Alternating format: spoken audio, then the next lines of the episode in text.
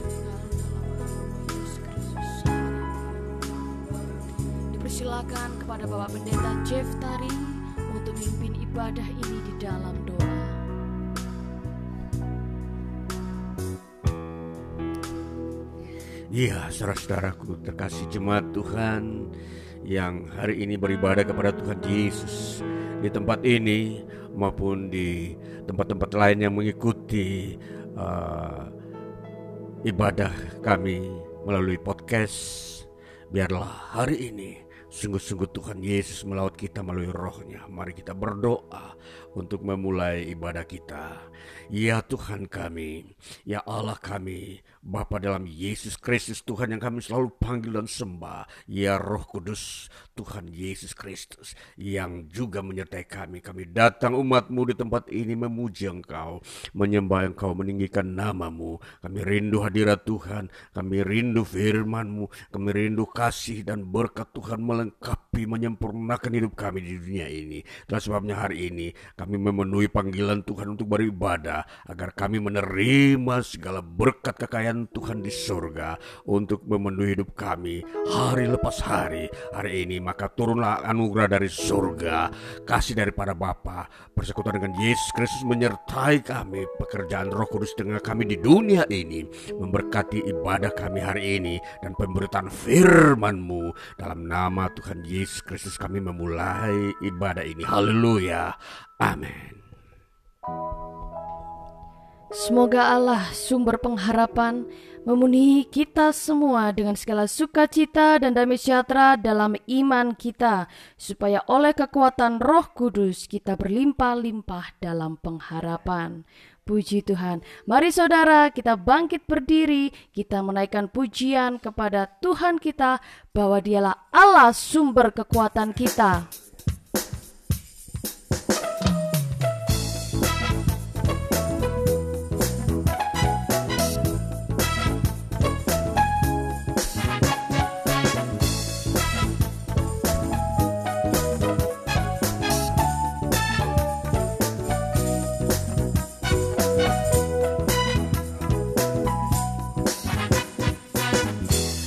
Hanya kau milikku di sorga.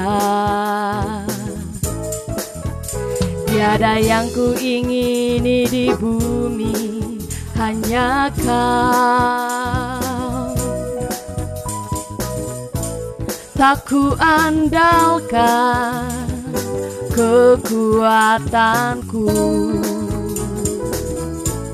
Namun yang pasti Kau tetap selamanya Allah sumber kuatku Allah sumber kuatku Allah sumber kuatku dan bagianku selama-lamanya selamanya. Amin. Dialah sumber dari segala sumber yang dibutuhkan untuk setiap manusia hanya kau milikku di sorga. Tiada yang ku ingini di bumi Hanya kau.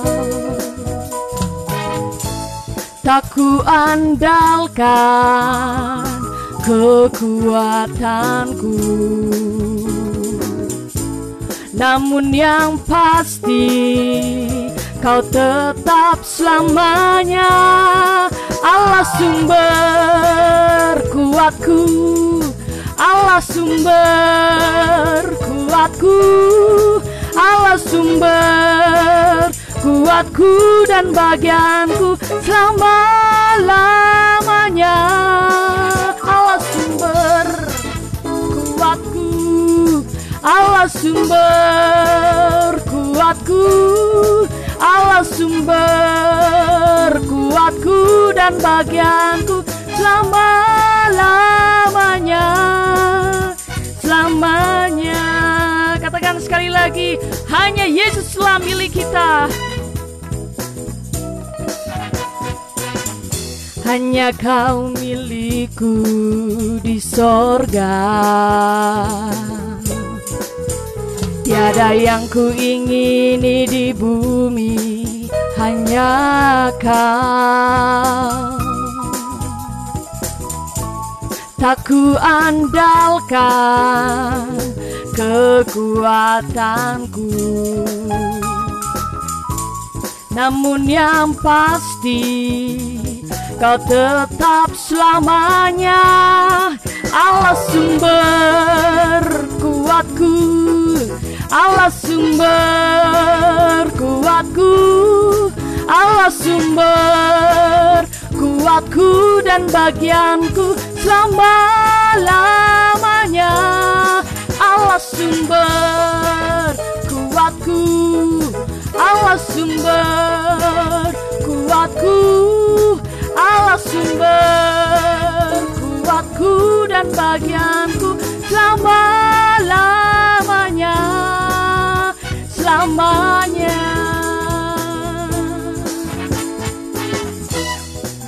Haleluya amin puji Tuhan Saudara-saudara dipersilakan untuk duduk kembali Betapa dalamnya kasih setia Tuhan kita dan betapa besar kebaikan Tuhan kita hari lepas hari. Puji Tuhan, mari kita menaikkan pujian bagi Dia. Oh, betapa dalamnya.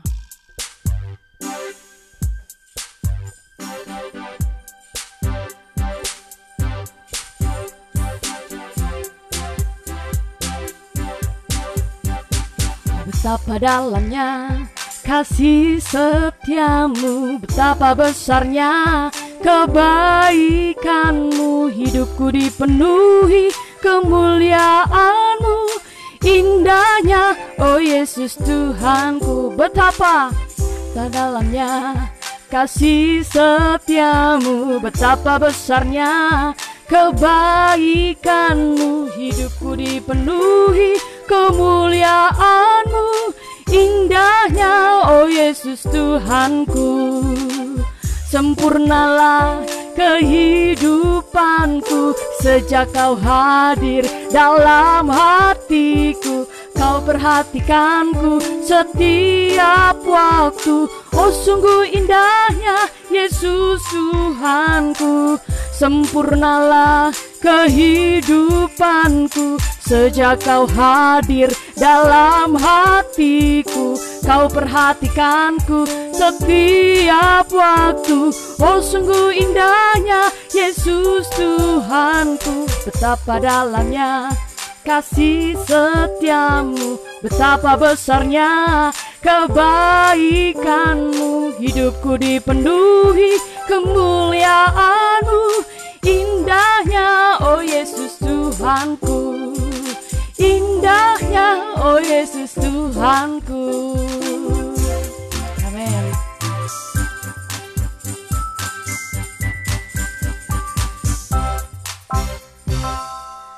Tiba waktunya bagi saudara-saudara ingin memberikan kesaksian dipersiapkan dan mari kita menyambut kesaksian melalui pujian Bagai Raja Wali.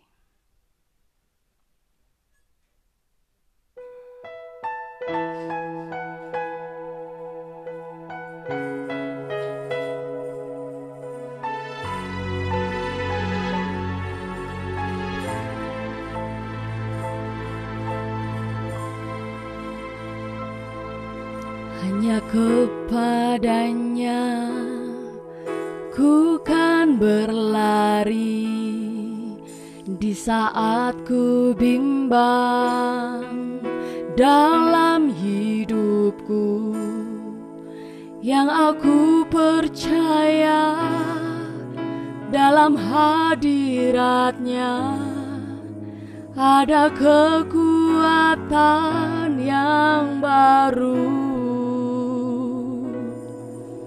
Walau ku melangkah dalam tekanan Badai pencobaan datang menghadap Yang aku percaya dalam hadiratnya Ada kekuatan yang baru Ku kan terbang tinggi bagai raja wali di atas segala persoalan hidupku dan aku percaya saat ku bersama dia tiada yang mustahil bagi dia.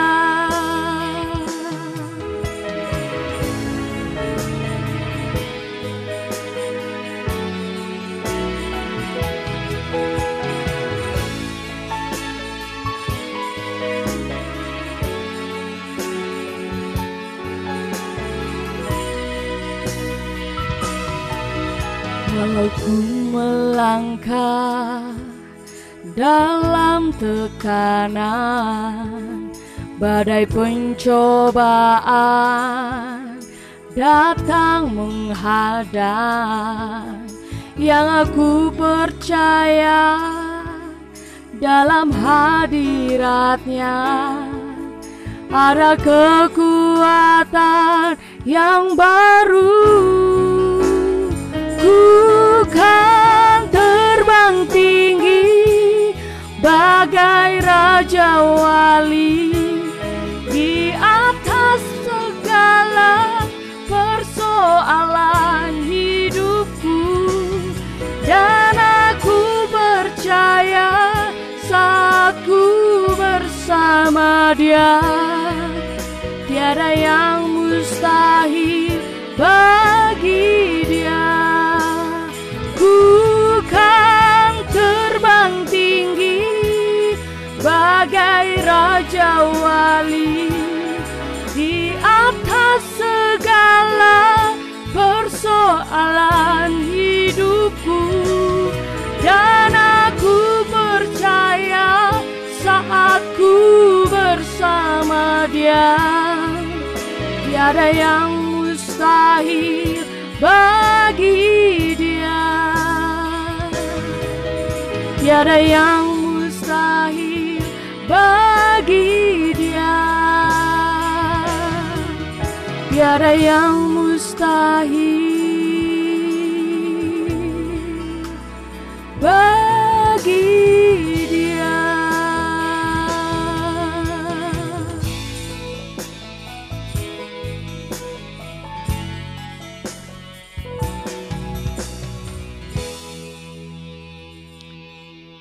Dipersilakan kepada Ibu Foni untuk menyampaikan pujian sebagai bentuk kesaksian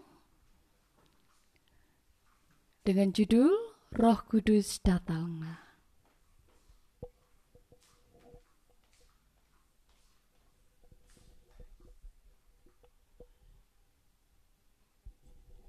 Ya, Shalom.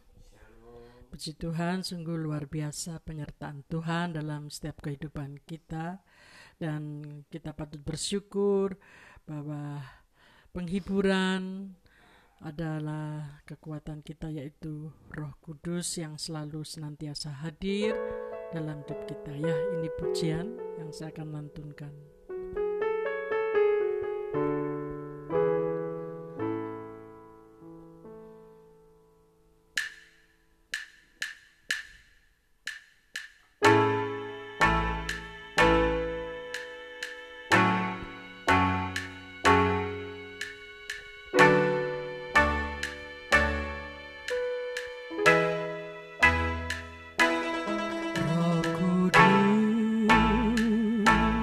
Datanglah. Jamalah tiap hati Jamalah. Segarkanlah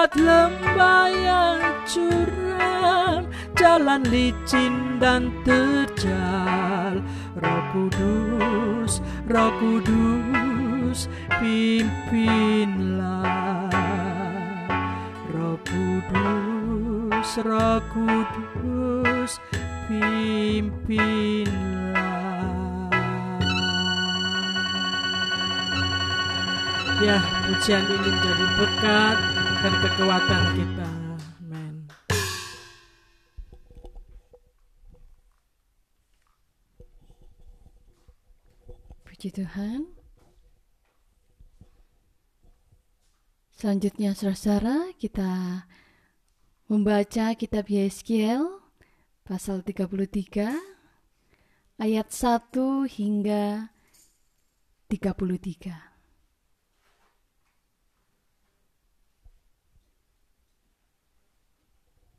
Yeskiel 33 ayat 1 hingga 33. Mari kita baca bersama-sama. 1 2 3. Nubuatan pengharapan bagi Israel. Tugas Yeskiel sebagai penjaga. Lalu datanglah firman Tuhan kepadaku. Hai anak manusia, berbicaralah kepada teman-temanmu sebangsa dan katakanlah kepada mereka, kalau aku mendatangkan pedang atas sesuatu negeri dan bangsa negeri itu mengambil seorang dari antara mereka dan menetapkan dia menjadi penjaganya. Dan penjaga ini melihat pedang itu datang atas negerinya, lalu meniup sangkakala untuk memperingatkan bangsanya. Kalau ada seorang yang memang mendengar suara sangkakala itu, tetapi ia tidak mau diperingatkan, sehingga sesudah pedang itu datang, ia dihabiskan, darahnya tertimpa kepadanya sendiri. Ia mendengar suara sangkakala, tetapi ia tidak mau diperingatkan, darahnya tertimpa kepadanya sendiri. Kalau ia mau diperingatkan, ia menyelamatkan nyawanya. Sebaliknya, penjaga yang melihat pedang itu datang, tetapi tidak meniup sangkakala, dan bangsanya tidak mendapat peringatan, sehingga sesudah pedang itu datang, seorang dari antara mereka dihabiskan. Orang itu dihabiskan dalam kesalahannya, tetapi aku akan menuntut pertanggungan jawab atas nyawanya dari penjaga itu. Dan engkau anak manusia, aku menetapkan engkau menjadi penjaga bagi kaum Israel. Bila mana engkau mendengar sesuatu firman daripadaku, peringatkanlah mereka demi namaku. Kalau aku berfirman kepada orang jahat, "Hai orang jahat, engkau pasti mati," dan engkau tidak berkata apa-apa untuk memperingatkan orang jahat itu supaya bertobat dari hidupnya, orang jahat itu akan mati dalam kesalahannya. Tetapi aku akan menuntut pertanggungan jawab atas nyawanya daripadamu. Tetapi jikalau engkau memperingatkan orang jahat itu supaya ia bertobat dari hidupnya, tetapi ia tidak mau bertobat, ia akan mati dalam kesalahannya, tetapi engkau telah menyelamatkan nyawamu. Dan engkau anak manusia, katakanlah kepada kaum Israel, kamu berkata begini, Pelanggaran kami dan dosa kami sudah tertanggung atas kami, dan karena itu kami hancur Bagaimanakah kami dapat tetap hidup? Katakanlah kepada mereka, demi aku yang hidup, demikianlah firman Tuhan Allah. Aku tidak berkenan kepada kematian orang fasik, melainkan aku berkenan kepada pertobatan orang fasik itu dari kelakuannya supaya ia hidup. Bertobatlah, bertobatlah dari hidupmu yang jahat itu. Mengapakah kamu akan mati, hai kaum Israel? Dan engkau anak manusia, katakanlah kepada teman-temanmu sebangsa. Kebenaran orang benar tidak menyelamatkan dia pada waktu ia jatuh dalam pelanggaran dan kejahatan orang jahat tidak menyebabkan dia tersandung pada waktu ia bertobat dari kejahatannya dan orang benar tidak dapat hidup karena kebenarannya pada waktu ia berbuat dosa. Kalau aku berfirman kepada orang benar, engkau pasti hidup. Tetapi ia mengandalkan kebenarannya dan ia berbuat curang, segala perbuatan-perbuatan kebenarannya tidak akan diperhitungkan dan ia harus mati dalam kecurangan yang diperbuatnya. Kalau aku berfirman kepada orang jahat, engkau pasti mati, tetapi ia bertobat dari dosanya serta melakukan keadilan dan kebenaran, orang jahat itu mengembalikan gadaian orang, ia membayar ganti rampasannya, menuruti peraturan-peraturan yang memberi hidup, sehingga tidak berbuat curang lagi, ia pasti hidup, ia tidak akan mati. Semua dosa yang diperbuatnya tidak akan diingat-ingat lagi.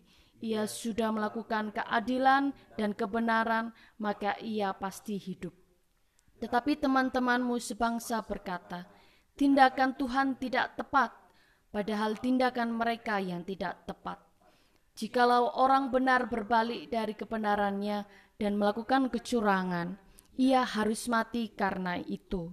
Sebaliknya, kalau orang fasik bertobat dari kefasikannya dan ia melakukan keadilan dan kebenaran, ia pasti hidup karena itu. Tetapi kamu berkata, tindakan Tuhan tidak tepat. Aku akan menghakimi kamu masing-masing menurut kelakuannya, hai kaum Israel. Berita kejatuhan Yerusalem.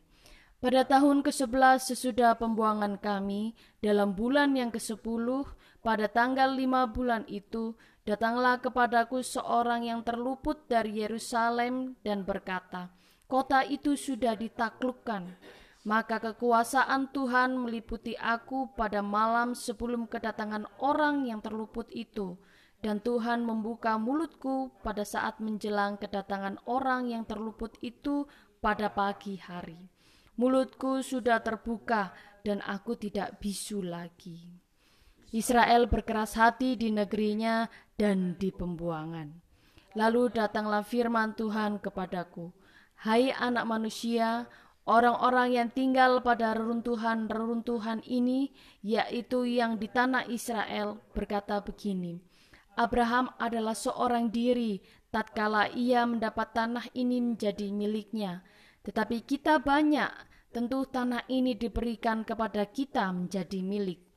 Oleh karena itu, katakanlah kepada mereka, Beginilah firman Tuhan Allah, kamu makan daging dengan darahnya, kamu melihat juga kepada berhala-berhalamu, dan kamu menumpahkan darah. Apakah kamu akan tetap memiliki tanah ini? Kamu bersandar pada pedangmu, kamu melakukan kekejian, dan masing-masing mencemari istri sesamanya. Apakah kamu akan tetap memiliki tanah ini?' Katakanlah begini kepada mereka, beginilah firman Tuhan Allah. Demi aku yang hidup, orang-orang yang tinggal pada reruntuhan-reruntuhan akan mati rebah oleh pedang, dan orang-orang yang di padang akan kuberikan kepada binatang liar menjadi makanannya, dan orang-orang yang di dalam kubu dan gua akan mati kena sampar. Tanah ini akan kubuat musnah dan sunyi sepi, dan kecongkaannya yang ditimbulkan kekuatannya akan berakhir. Gunung-gunung Israel akan menjadi sunyi sepi sehingga tidak seorang pun berani melintasinya. Dan mereka akan mengetahui bahwa akulah Tuhan pada saat aku membuat tanah ini musnah dan sunyi sepi oleh karena semua perbuatan-perbuatan mereka yang keji yang mereka lakukan. Dan engkau anak manusia, Teman-temanmu sebangsa bercakap-cakap mengenai engkau dekat tembok-tembok dan di pintu rumah-rumah dan berkata satu sama lain, masing-masing kepada temannya, silakan datang dan dengar apa yang difirmankan oleh Tuhan. Dan mereka datang kepadamu seperti rakyat berkerumun dan duduk di hadapanmu sebagai umatku. Mereka mendengar apa yang kau ucapkan, tetapi mereka tidak melakukannya Mulutnya penuh dengan kata-kata cinta kasih, tetapi hati mereka mengejar keuntungan yang haram. Sungguh, engkau bagi mereka seperti seorang yang melakukan syair cinta kasih dengan suara yang merdu dan yang pandai main kecapi. Mereka mendengar apa yang kau ucapkan, tetapi mereka sama sekali tidak melakukannya. Kalau hal itu datang, dan sungguh akan datang, mereka akan mengetahui bahwa seorang nabi ada di tengah-tengah mereka. Demikian pembacaan kitab Yeskiel pasal 33. Selanjutnya mari kita siapkan hati kita untuk mendengarkan firman Tuhan. Firman Tuhan adalah ya dan amin. Oleh sebab itu, mari kita menaikkan pujian Aba Bapa untuk menyambut firman Tuhan.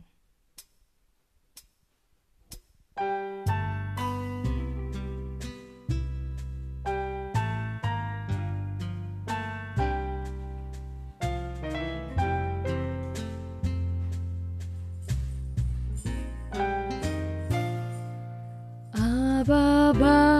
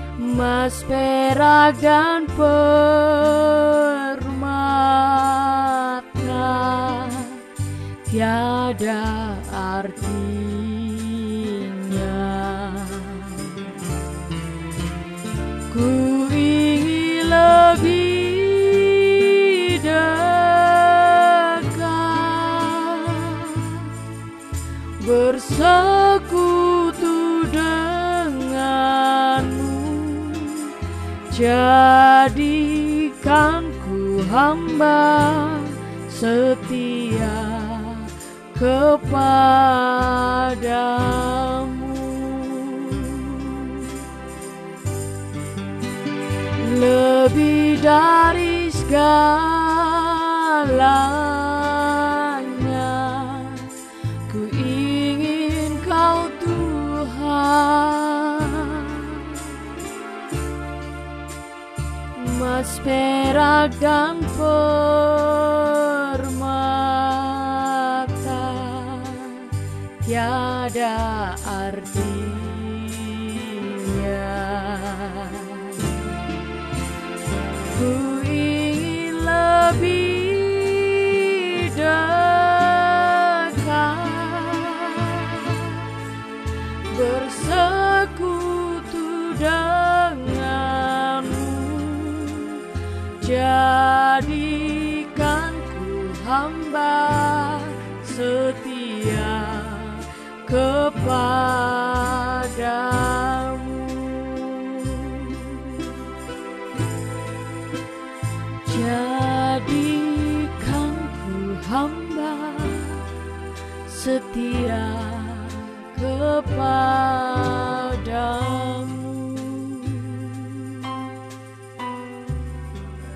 Kepada Bapak Pendeta Jeftari dipersilahkan untuk mimpin dalam doa dan menyampaikan firman Tuhan.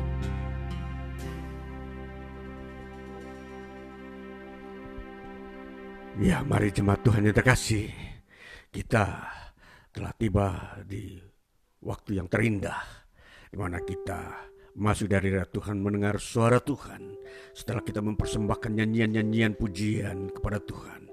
Sekarang giliran kita mendengar apa kata Tuhan, firman-Nya untuk menguatkan kita, memberkati hidup kita, memasuki perjalanan hidup kita di hari-hari berikutnya.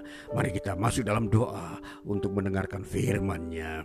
Ya Tuhan, tiba saatnya umatmu hari ini mau mendengarkan firman-Mu di waktu yang begitu berharga, waktu emas ini, waktu terindah yang di mana suara Tuhan masih Tuhan ungkapkan, Tuhan nyatakan melalui firman-Mu di hari ini biarlah kuduskan kami. Karena kami dapat mendengar firman-Mu melalui lingkungan yang Kau kuduskan. Telinga dan pikiran perasaan hati jiwa kami. Seluruh keberadaan eksistensi hidup kami ini dikuduskan oleh kuasa di dalam Yesus Kristus. Darahnya menyucikan hidup dan pikiran kami, perbuatan-perbuatan kami dikuduskan. Setelah kami melewati hari-hari kerja, kami membutuhkan kekuatan baru, pengudusan dan sebuah energi baru dari surga supaya kami menerima itu di hari ini di saat firman-Mu diberitakan dan kami menerima dan mendengarkannya dan melakukannya. Tuhan Yesus terima kasih. Engkau sumber berkat, sumber hidup, sumber damai sejahtera. Engkau karuniakan kepada umat-Mu yang datang dengan segenap hati dengan penuh iman rindu akan Tuhan. Maka dalam nama Tuhan Yesus Kristus kami mendengarkan firman-Mu dan kami menerima berkat-Mu ini. Haleluya. Amin.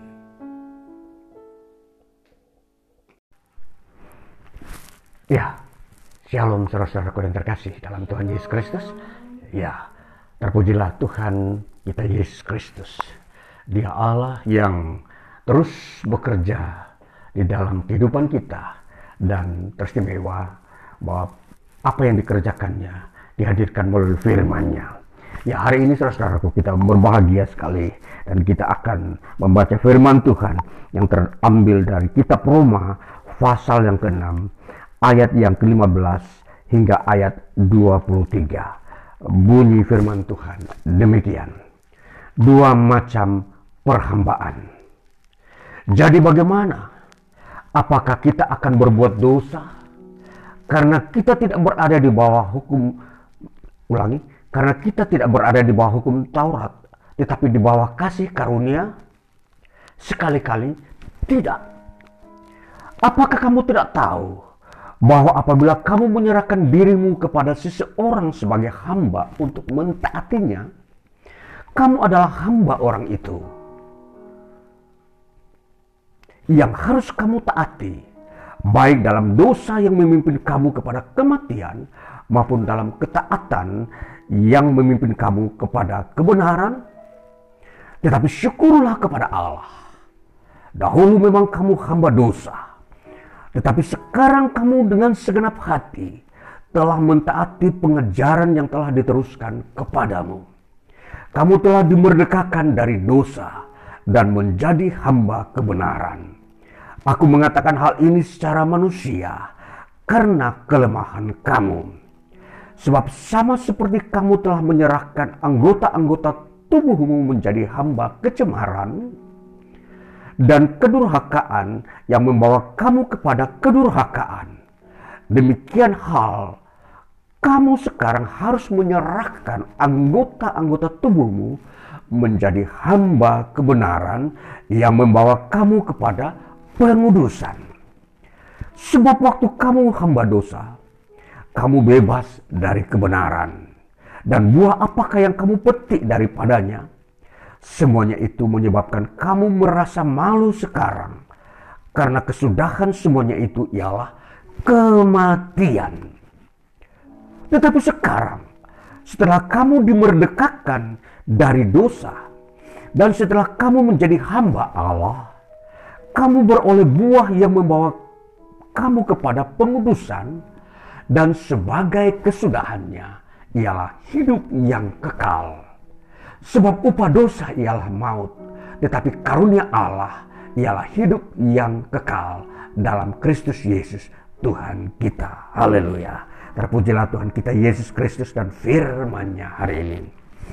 Saudaraku yang terkasih, hari ini uh, tentunya kita akan masuk di dalam nuansa-nuansa yang uh, mengagumkan kita, khususnya di dalam kita sebagai uh, warga negara dari bangsa Indonesia. Kita sedang ada dalam uh, menghirup udara kemerdekaan, ya itu fakta-fakta uh, dan hari ini 20 Agustus tahun 2023 uh, nuansa ini kita uh, rasakan bagaimana aura-aura daripada bangsa ini uh, memperlihatkan semangatnya untuk uh, merdeka dan terus maju di dalam kemerdekaan ini. Nah, di dalam bagian firman Tuhan yang kita sudah dengar dan kita baca bersama, hari ini kita mau masuk di dalam sebuah situasi kehidupan manusia secara global dan khususnya tentunya kemanusiaan yang menuju kepada klimaksnya yaitu hidup yang kekal. Dan hari ini dalam rangka semua itu maka tema firman Tuhan yang saya akan bicarakan hari ini adalah duologi kemanusiaan. Jadi tema firman Tuhan ini adalah duologi kemanusiaan. Saudaraku yang terkasih, kita mau mengerti dulu istilah duologi. Duologi ini bersumber dari uh, satu lingkungan di mana lingkungan ini adalah lingkungan sastra. Lingkungan sastra ini ini menegaskan tentang duologi. Ya. Jadi duologi dalam pengertian sastra itu adalah kumpulan buku yang ceritanya saling berkesinambungan dan terdiri dari dua seri. Nah, ini saudara-saudara, ini saya mengutip ini dan saya mengambil uh, definisi ini untuk memberikan ilustrasi ya kepada hidup kita yang sedang kita membaca firman Tuhan yang bertemakan atau berjudul berjudulkan tadi dua macam perhambaan. Nah, berangkat dari duologi yang saya akan bicarakan di sini adalah dikatakan dikatakan di sini adalah kumpulan buku ya. Kumpulan buku yang ceritanya, perhatikan, yang ceritanya saling berkesinambungan dan terdiri dari dua seri. Nah, dari definisi duologi ini, saya mau mengajak kita saudara-saudaraku yang terkasih, masuk dalam lingkungan kehidupan manusia. Sesuai dengan tema tadi, duologi kemanusiaan. Maka lingkungan kehidupan manusia ini tentunya itu setiap kehidupan manusia di muka bumi sejak mulai penciptaan sampai pada nanti pada akhir zaman itu selalu mempunyai cerita. Ya. Cerita dan cerita ini selalu berkesinambungan. Tidak ada putus-putusnya sepanjang sejarah dunia ini masih ada. Sepanjang matahari masih terbit, selalu ada cerita. Nah, inilah yang saya mau mengangkat kepada kita.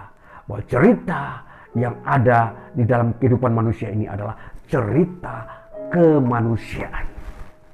Saudara, mungkin dalam dunia sastra banyak puitis dan banyak para uh, uh, pakar-pakar ahli-ahli dalam bidang sastra.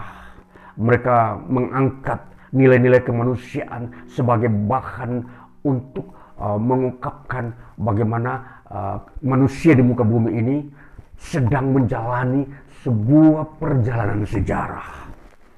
Nah, jadi uh, berangkat dari ini, firman Tuhan yang kita baca, yang kita ingin menyimak ada apa di balik Firman Tuhan yang kita sudah baca dalam kitab Roma pasal yang ke-6 ayat 15 hingga 23 ini. Membuka tabir bagaimana kehidupan manusia ini memang sesungguhnya ada dalam sebuah rangkaian yang berkesinambungan sejarah kehidupan manusia yang telah kita baca di sini adalah yang pertama yang berbicara tentang hukum Taurat dan yang kedua, anugerah atau kasih karunia. Di dalam yang ayat yang kita sudah baca, kita sudah dapat melihat gambaran dari, dari kitab Roma ini. Bahwa ada dua penegasan yang Tuhan bukakan kepada Rasul Paulus untuk disampaikan kepada jemaat Tuhan. Bahwa jemaat Tuhan harus mengerti Orang-orang percaya harus mengerti.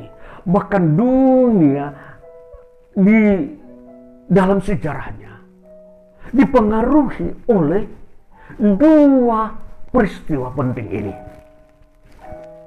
Apa itu peristiwa penting ini? Peristiwa penting ini yang pertama adalah ketika Tuhan memberikan hukum Taurat. Ya, kita tahu dalam sejarah uh, bangsa Israel di dalam perjanjian lama. Kita tahu bahwa orang Israel uh, dipimpin Tuhan keluar dari tanah Mesir perbudakan yang mereka telah alami selama 400 tahun di tanah Mesir. Dan kemudian oleh kehendak Tuhan mengutus Musa untuk memimpin, mereka keluar dari sana dan melewati padang gurun menuju tanah Kanaan sepanjang 40 tahun di padang gurun, saudara-saudara. Di saat-saat sebelum mereka melanjutkan melanjutkan perjalanan mereka sampai ke finish di tanah Kanaan yang sekarang ini mereka tempati. Tiga bulan setelah mereka keluar dari tanah Mesir, Tuhan Allah memberikan hukum Tauratnya di Gunung Sinai melalui Musa. Dan itu terjadi 1500 tahun sebelum Masehi. Artinya 1500 tahun sebelum Yesus lahir di dunia ini. Hukum Taurat telah diberikan kepada manusia melalui orang Israel.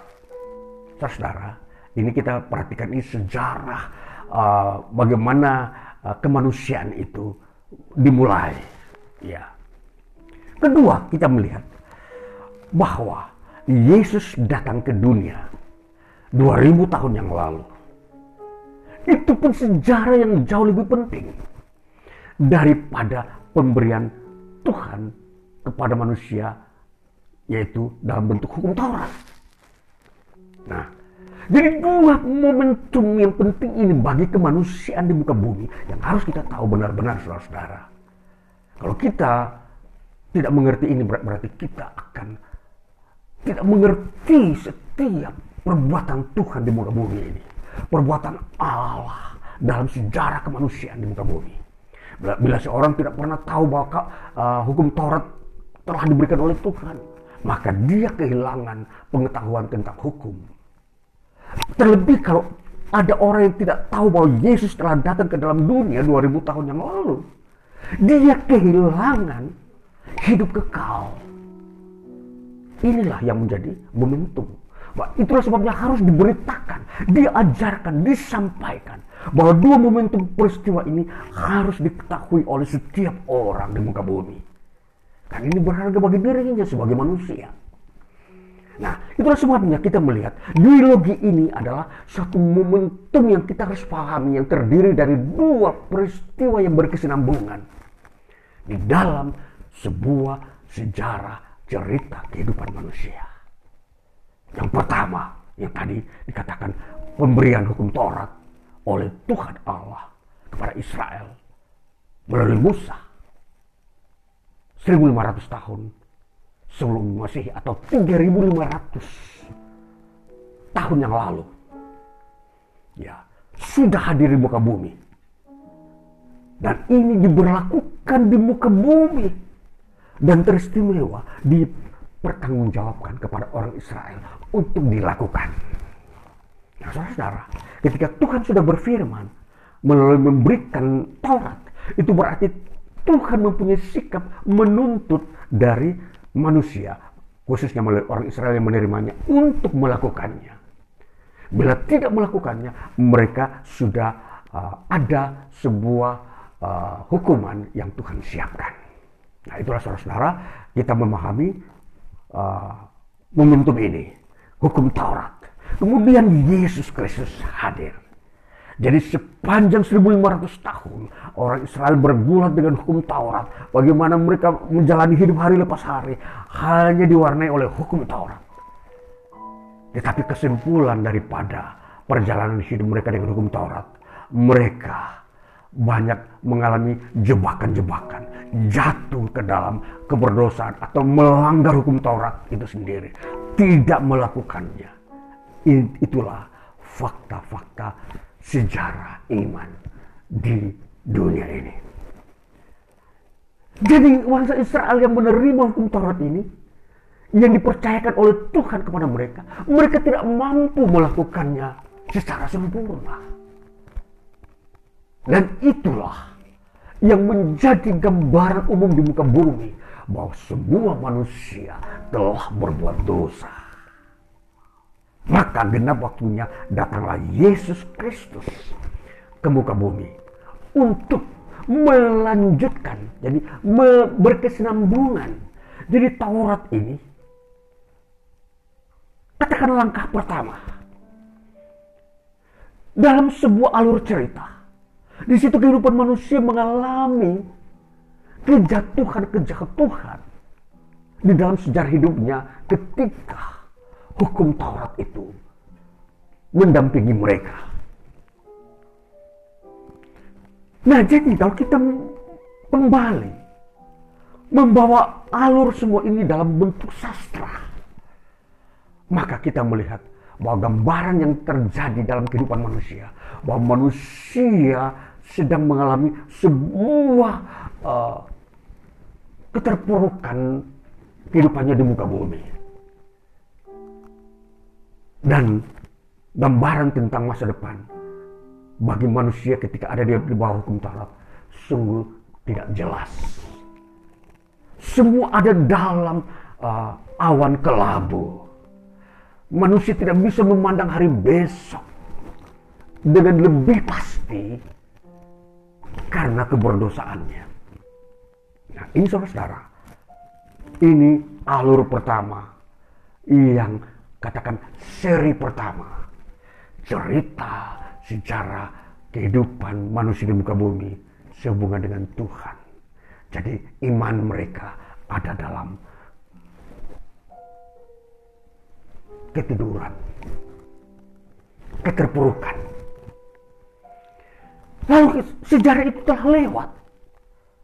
Artinya ketika Yesus Kristus datang ke muka bumi, maka cerita seri pertama telah berakhir. Artinya Taurat itu sudah tidak bisa lagi mengambil sepenuhnya jalan cerita kehidupan manusia. Yesus Kristus hadir mau membawa cerita yang berkesinambungan, yang berkelanjutan, yang ceritanya lebih indah. Kalau hukum Taurat membawa cerita tentang bagaimana hukuman Tuhan ketika manusia berdosa, Itu pusat ceritanya seperti itu. Tetapi ketika Yesus datang, cerita itu berubah menjadi kasih Tuhan.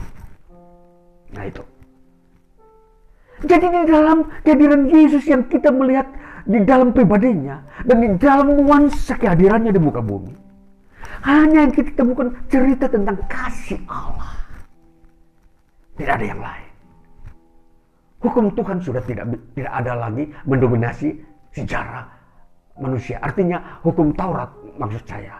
Hukum Taurat yang penuh dengan tuntutan yang membuat manusia tidak mampu melakukannya secara sempurna. Sudah tidak lagi uh, mengambil nuansa kehidupan manusia di muka bumi.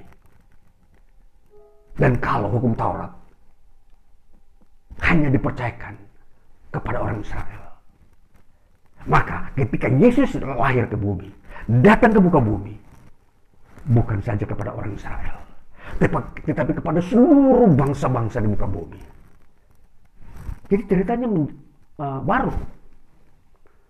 Dari satu bangsa kepada bangsa-bangsa. Jadi ini sebuah cerita yang sungguh indah. Kalau kita menyelami kehadiran Yesus Kristus di muka bumi. Bahwa Allah membuat cerita baru kepada sejarah hidup manusia. Sehingga air mata yang keluar dari mata manusia ketika dililit oleh hukum Taurat dihapuskan menjadi sukacita. Makanya di dalam uh, nubuatan para nabi kita melihat Nabi Habakuk bernubuat bahwa sebuah ratapan itu akan berubah menjadi tari-tarian dan nyanyian sukacita. Kapan? Yaitu ketika Yesus Kristus hadir di muka bumi. Jadi ratapan-ratapan kesedihan-kesedihan yang dialami oleh manusia secara global akan berubah menjadi tari-tarian dan nyanyi-nyanyian. Itu adalah semua klimaks dari cerita sejarah hidup manusia. Jadi sudah tidak ada tempat lain lagi jadi di dalam Yesus Kristus manusia menemukan suatu cerita kebahagiaan. Happy ending di dalam sebuah sejarah kehidupan manusia. Yesus Kristus hadir menampilkan sebuah kisah cerita hidup manusia yang alur ceritanya happy ending adanya. Ya saudara-saudaraku yang terkasih. Di dalam biologi inilah. Biologi kemanusiaan. Kita melihat warna kehidupan manusia. Dari ratapan penuh dengan dosa. Bersambung uh, dengan kisah cinta kasih Allah kepada manusia. Dan itulah biologinya. Jadi saudara-saudaraku yang terkasih. Biologi inilah yang baru kita, mau kita uh, pahami.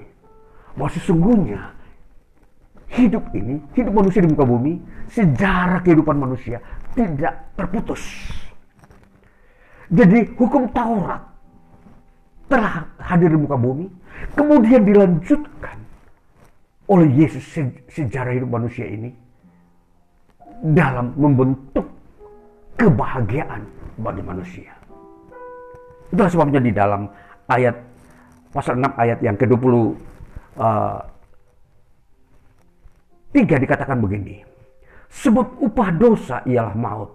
Tetapi karunia Allah ialah hidup yang kekal dalam Yesus Kristus. Jadi kalau kita membuat biologi kemanusiaan ini, maka hukum Taurat itu sudah menceritakan tentang bagaimana dosa-dosa manusia dan itu menuju upahnya adalah maut. Jadi dosa yang dilakukan oleh manusia, upahnya apa? Maut. Neraka. Tetapi dikatakan karunia Allah atau anugerah Allah ialah hidup yang kekal di dalam Yesus Kristus. Nah itulah disebut biologinya bahwa Yesus Kristus hadir dengan anugerah yang memberikan kepada manusia hidup kekal. Jadi kebahagiaan. Jadi dalam bentuk lagi berkat Tuhan yang abadi. Bukan bersifat jasmani lagi. Tapi bersifat kerohanian yang ada di dalam pribadi Allah. Yaitu hidup yang kekal. Saudara, ini ideologi harus kita mengerti. Bahwa di dunia ini, ideologilah yang mewarnai seluruh rangkaian sejarah penciptaan kehidupan manusia di muka bumi ini. Jadi, kita sudah kenal dari uh, konsep ideologi ini. Bahwa yang pertama adalah Taurat, yang kedua adalah anugerah. Jadi dikatakan oleh Rasul Paulus, jadi apakah jadi bagaimana? Apakah kita akan berbuat dosa karena kita tidak berada di bawah hukum Taurat? Ya tapi di bawah kasih karunia atau anugerah? Tidak. Dan ini saudara-saudara. Kalau kita ada di dimensi anugerah saat ini, 2000 tahun sudah dimensi anugerah ini ada di muka bumi. 2000 tahun lebih ya. Dimensi ini sudah hadir. Itu berarti bahwa dosa sudah tidak bisa mendominasi kehidupan manusia lagi. Walaupun memang dosa itu masih ada, tapi dia tidak dominan. Artinya apa saudara-saudara? Bahwa telah terbit sebuah uh, cahaya yang lebih terang daripada sebelumnya. Kalau Taurat adalah sebuah cahaya yang menerangi. Tapi anugerah jauh lebih terang daripada Taurat. Jadi ini saudara-saudara. Kita memahami ideologi ini sebagai bentuk dari keseluruhan totalitas hidup manusia. Bahwa kita sedang berada di dalam anugerah. Itulah ideologinya. Jadi alur cerita itu tidak bisa kembali kepada awal yaitu Taurat. Kalau sudah ideologi artinya satu waktu dia ada di dalam happy ending yang terakhir yaitu seri kedua. Perjalanan manusia, hidup sejarah manusia di dunia ini. Kalau sudah kepada tiba di seri kedua, tidak akan mungkin kembali ke seri pertama. Jadi kalau Taurat adalah seri pertama, anugerah dalam Yesus Kristus seri kedua. Jadi apa saudara-saudara yang kita simak? Bahwa di dalam seri kedua ini tidak diperkenankan manusia hidup dalam keberdosaan lagi. Dosa sudah tidak bisa lagi menjadi tuan atas manusia. Dosa tidak bisa lagi memperbudak manusia. Manusia dimerdekakan. Manusia dilepaskan dari perbudakan dosa. Itulah konsepnya ideologi, saudara-saudara. Jadi kita menyimak bahwa sungguh-sungguh ini sebuah kebenaran dan ini eh, kehendak Allah supaya manusia semua manusia dilepaskan dari dosa. Setiap bangsa pernah hidup dalam penjajahan, ya. Bagaimana dijajah, ya. Penderitaan, gambaran tentang keberdosaan bagaimana dosa uh, memperbudak manusia. Manusia tidak sadar dia diperbudak, dia membunuh sesama manusianya, saudaranya, semua karena perbudakan dosa. Tetapi setelah anugerah itu muncul dalam seri kedua, semua orang yang telah menerima Yesus Kristus tidak diizinkan lagi diperbudak oleh dosa. Lingkungan kehidupannya, tubuh jiwa rohnya sudah tidak lagi dikuasai oleh dosa. Saudara-saudara, inilah alur ceritanya.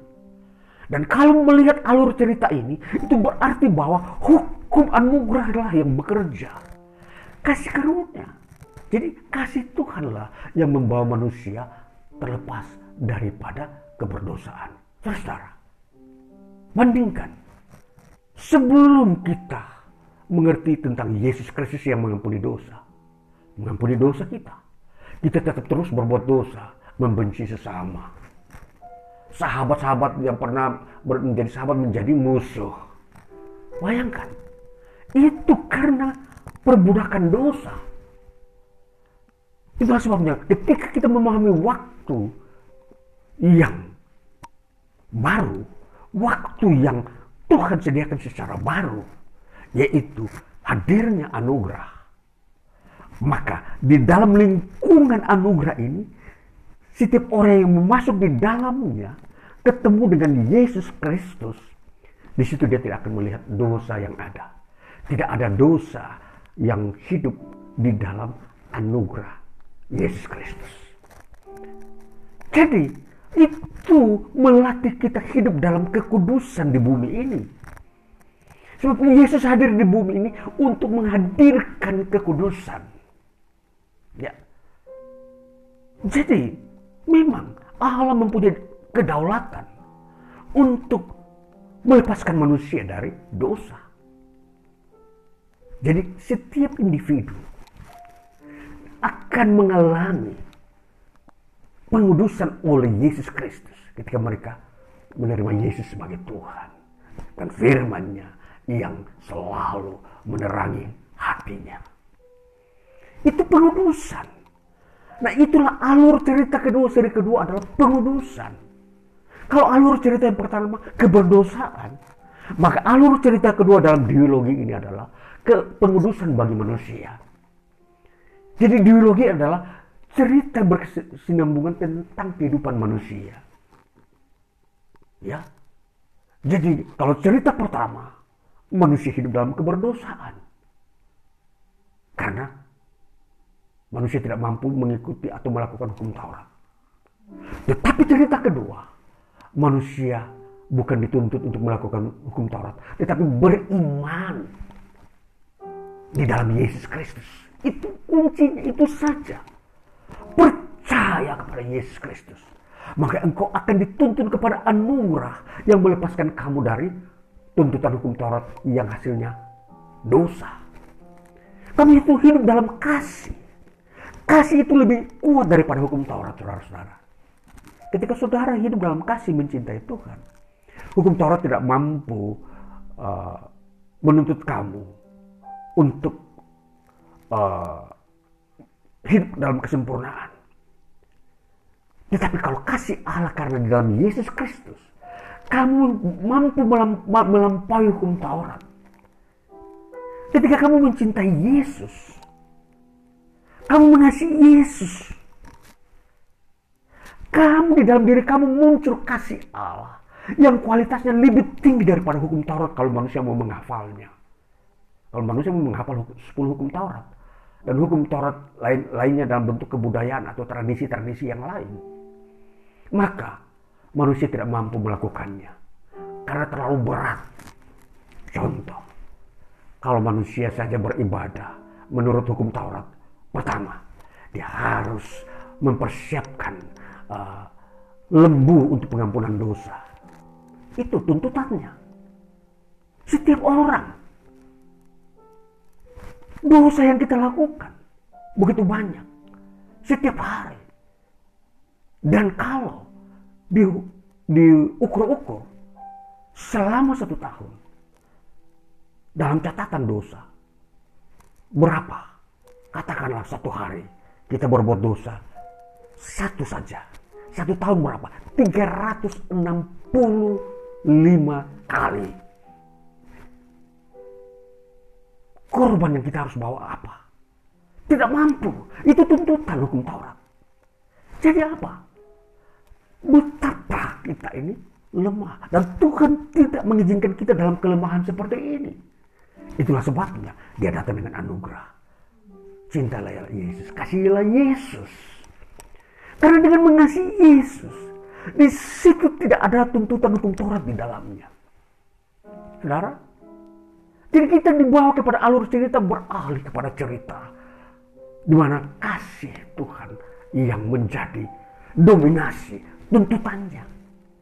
Jadi kalau kasih Tuhan menjadi tuntutan dalam seri kedua ini, maka di dalamnya tidak ada cerita tentang dosa. Tetapi ceritanya tentang hanya kasih Allah. Maka di dalam kasih Allah itu ada hidup kekal. Ini saudara-saudara gambaran kita harus mengerti mengapa kita harus percaya Yesus. Inilah alur ceritanya. Inilah makna-makna yang kita temukan di dalam kehadiran Yesus Kristus di muka bumi. Bukan sebuah uh, sandiwara-sandiwara yang tidak ada artinya. Tidak.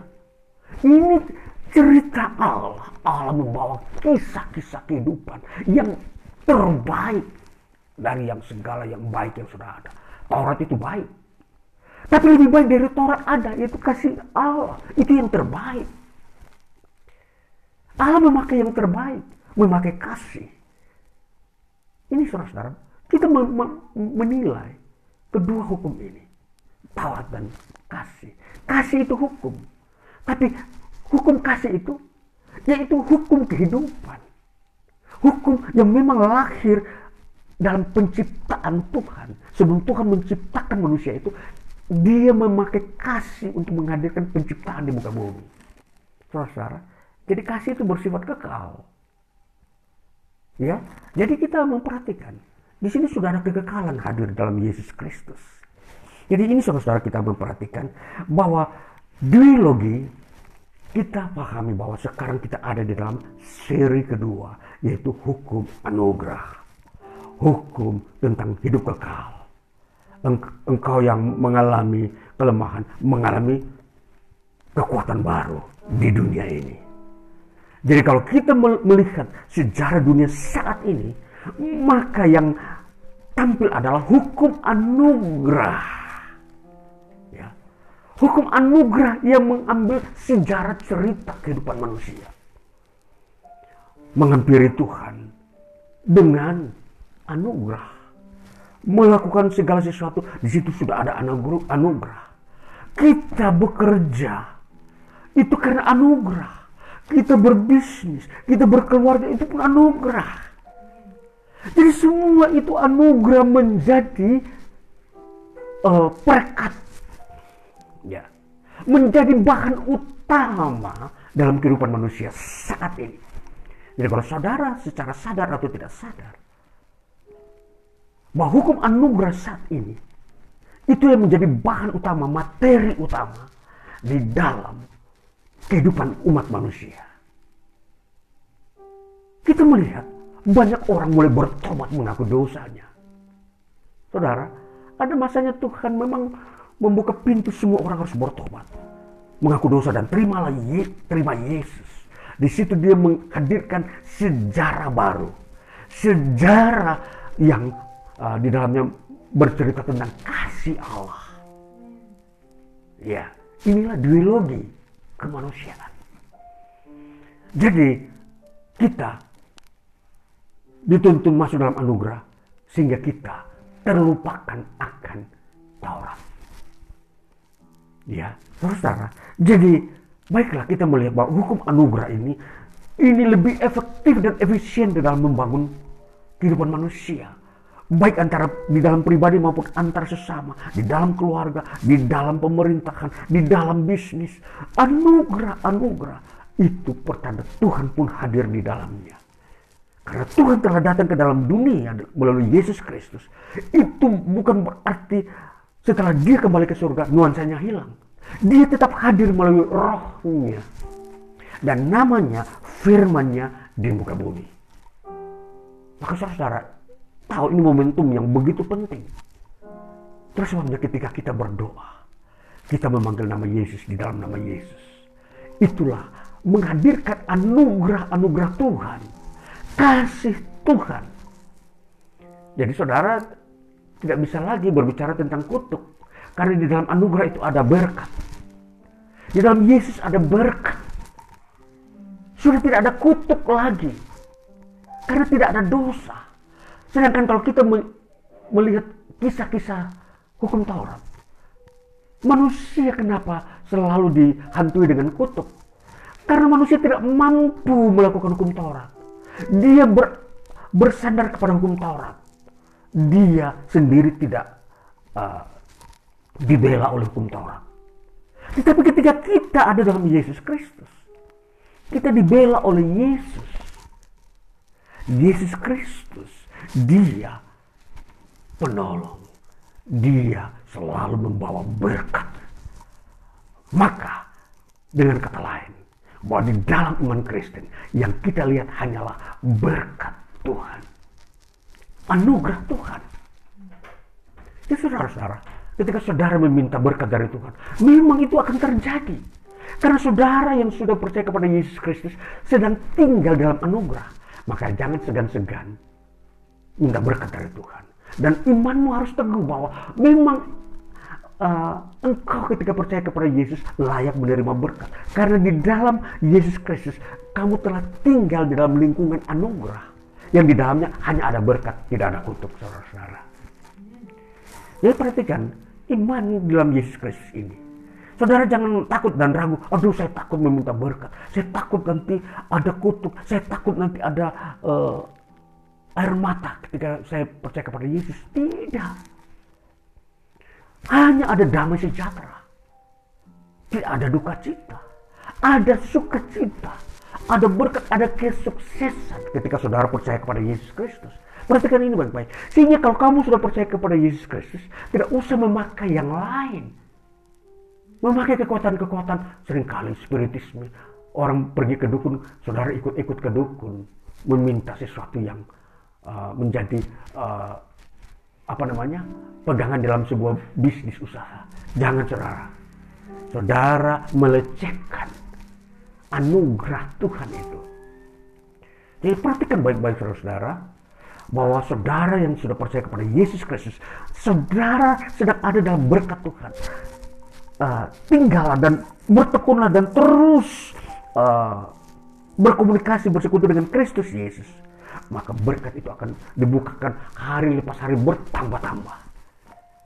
Ini yang menjadi visi kehidupan saudara sebagai orang percaya kepada Yesus Kristus. Saudara telah masuk di dalam lingkungan berkat jalani hidup ini sampai masa tua saudara, sampai masa di mana Tuhan memanggil saudara kembali kepada hadiratnya. Ini yang menjadi visi berita utama kita hari ini di dalam membaca firman Tuhan yang terambil dari kitab Roma ini. Itulah sebabnya saya menyederhanakan uh, firman Tuhan yang kita baca dalam sebuah uh, tema tadi, biologi kemanusiaan. Jadi kita melihat bahwa ini sebuah uh, pengetahuan bagi kita. Ingatlah duologi ini bahwa uh, ending daripada cerita hidup manusia adalah anugerah, bukan kutuk. Ya saudara, hidup kekal, bukan neraka. Jadi ini modal bagi kita menjalani hidup kita di hari-hari ke depan dengan keyakinan pasti Wah, ini kita sudah tiba di era zaman anugerah. Bukan zamannya Taurat. Jadi kita tidak perlu mengandalkan Taurat lagi di dalam hidup kita. Mengandalkan iman kepada Yesus Kristus. Ini sudah sempurna. Kasih Allah di dalamnya. Kasih itu sempurna dan kasih itu lebih tinggi daripada hukum Taurat. Dan kasih itu bersifat kekal. Taurat hanya sebatas di bumi. Kasih sampai di surga. Jadi hukum Taurat itu berfungsi di mana era bumi ini ada. Sepanjang matahari masih terbit dan bumi ini masih berputar. Tapi ketika matahari atau bumi ini tidak aktif lagi, hukum Taurat itu lenyap bersama bumi. Tetapi kasih tetap ada di surga. Saudara masih di surga, ketemu dengan makhluk surga pribadi Allah. Yang ada di dalam surganya kasih Allah. Tidak ada yang lain. Semua isi kekayaan surgawi. Kekayaan-kekayaan bentuk emas, bentuk benda-benda uh, mulia. Dan makhluk-makhluk lain seperti uh, apa, para malaikat. Semua diwarnai dengan kasih. Jadi saudara, lihat surga, itu sebenarnya warnanya kasih. Jadi kalau saudara sudah mengerti kasih di bumi ini, maka saudara tidak asing masuk surga. Namun kita melihat bahwa surga kasihnya jauh lebih sempurna daripada kasih yang kita sudah rasakan di bumi ini. Dia jauh lebih uh, mulia dan lebih luas karena bersifat kekal. Kasih itu bersifat kekal. Jadi biologi ini klimaksnya adalah berbicara tentang kasih Allah. Jadi saudara, kita hidup dalam kasih beriman kepada Yesus Kristus itu me melambangkan bahwa kita sedang berada dalam lingkungan kasihnya Allah. Kita dikasihi oleh Allah dan kita mengasihi Allah. Seperti itu. Jadi terjadi persekutuan kasih kita dengan Allah dan kita dengan sesama orang-orang yang dikasihi Allah. Ini saudara, ini lingkungan anugerah. Jadi duologi ini menghantar kita untuk mengerti dengan benar tentang keberadaan hidup kita manusia di muka bumi. Jadi puncaknya berbicara tentang iman kepada Yesus Kristus. Maka baiklah saudara-saudaraku yang terkasih, kita mengerti ini sebagai referensi hidup kita lagi bahwa sesungguhnya memang benar-benar hidup ini ada di dalam sebuah uh, tuntunan Tuhan hidup manusia yaitu masuk percaya kepada Yesus Kristus itu adalah klimaks daripada sejarah hidup manusia di muka bumi sudah tidak ada yang lain jadi kita berteguh di dalam iman kepada Yesus Kristus di tengah-tengah perkembangan sejarah kebudayaan manusia. Jadi kebudayaan manusia akan terus berkembang, tetapi iman kepada Yesus Kristus itu tetap utuh, tetap satu, tetap permanen. Dia tidak bisa berubah, berkurang sedikit pun. Sedikit pun karena sudah sempurna. Tidak perlu ditambahkan lagi. Karena karya Kristus, iman kepada Kristus ini sudah sempurna. Tidak perlu ada tambahan-tambahan. Tidak perlu ada uh, bumbu-bumbu uh, untuk menyempurnakannya. Sudah sempurna. Kita kita beriman kepada Yesus Kristus. Baiklah, kita menjalani bahwa iman kita kepada Yesus Kristus ini sudah final dan kita tinggal menikmati kebahagiaan-kebahagiaan yang Tuhan sediakan bagi kita. Tuhan Yesus memberkati kita. Haleluya.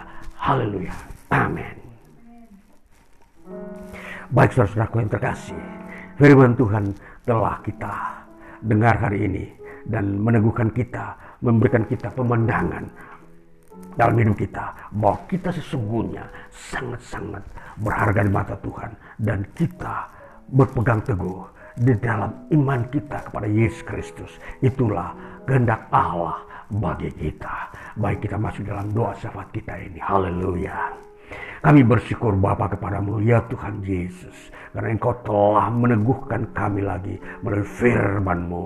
Kami memahami hidup sejarah manusia ini dalam konsep diwilogi bahwa yang pertama bahwa memang hukum Taurat telah diberikan namun Yesus Kristus datang kedua oh, pada fase kedua untuk menyempurnakan hidup manusia untuk membawa manusia kepada hidup kekal. Kami adalah bagian di dalam orang-orang yang percaya kepada Yesus Kristus. Kami telah tinggal dalam lingkungan anugerah. Kami telah mengambil bagian dalam persekutuan hidup kekal dengan Kristus Yesus. Berkati, maka kami percaya.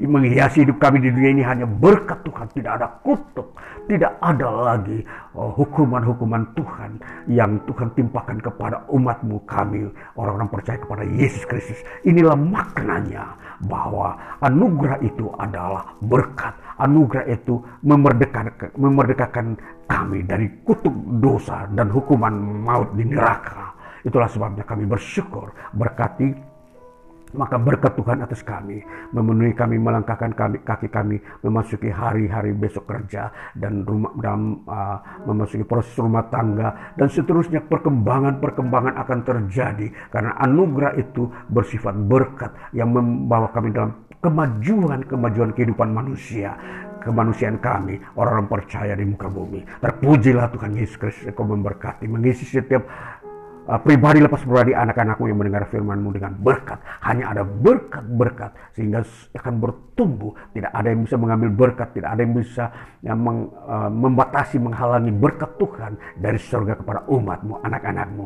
Ini kami Bapa, kami menyerahkan hidup kami, kami berserahkan, kami mengasihi Tuhan hari ini. Dan hari ini kami menyerahkan semuanya, Tuhan menguduskan kami dalam firmanmu karena itu kehendakmu. Turunlah anugerah Tuhan dari surga, kasih daripada Allah Bapa, persekutuan dengan Tuhan Yesus Kristus menyertai, menyertai kami. Hari ini terus sampai selama-lamanya. Dan kami berdoa sesuai dengan apa yang Tuhan ajarkan kepada kami. Bapa kami di surga dikuduskanlah namamu. Datanglah kerajaanmu. Jadilah kehendakmu di bumi seperti di surga. Berikanlah kami pada hari ini makanan kami yang secukupnya dan ampunilah kami akan kesalahan kami seperti kami juga mengampuni orang yang bersalah kepada kami. Dan janganlah membawa kami ke dalam pencobaan tetapi lepaskanlah kami daripada yang jahat karena engkau yang punya kerajaan kuasa dan kemuliaan sampai selama-lamanya.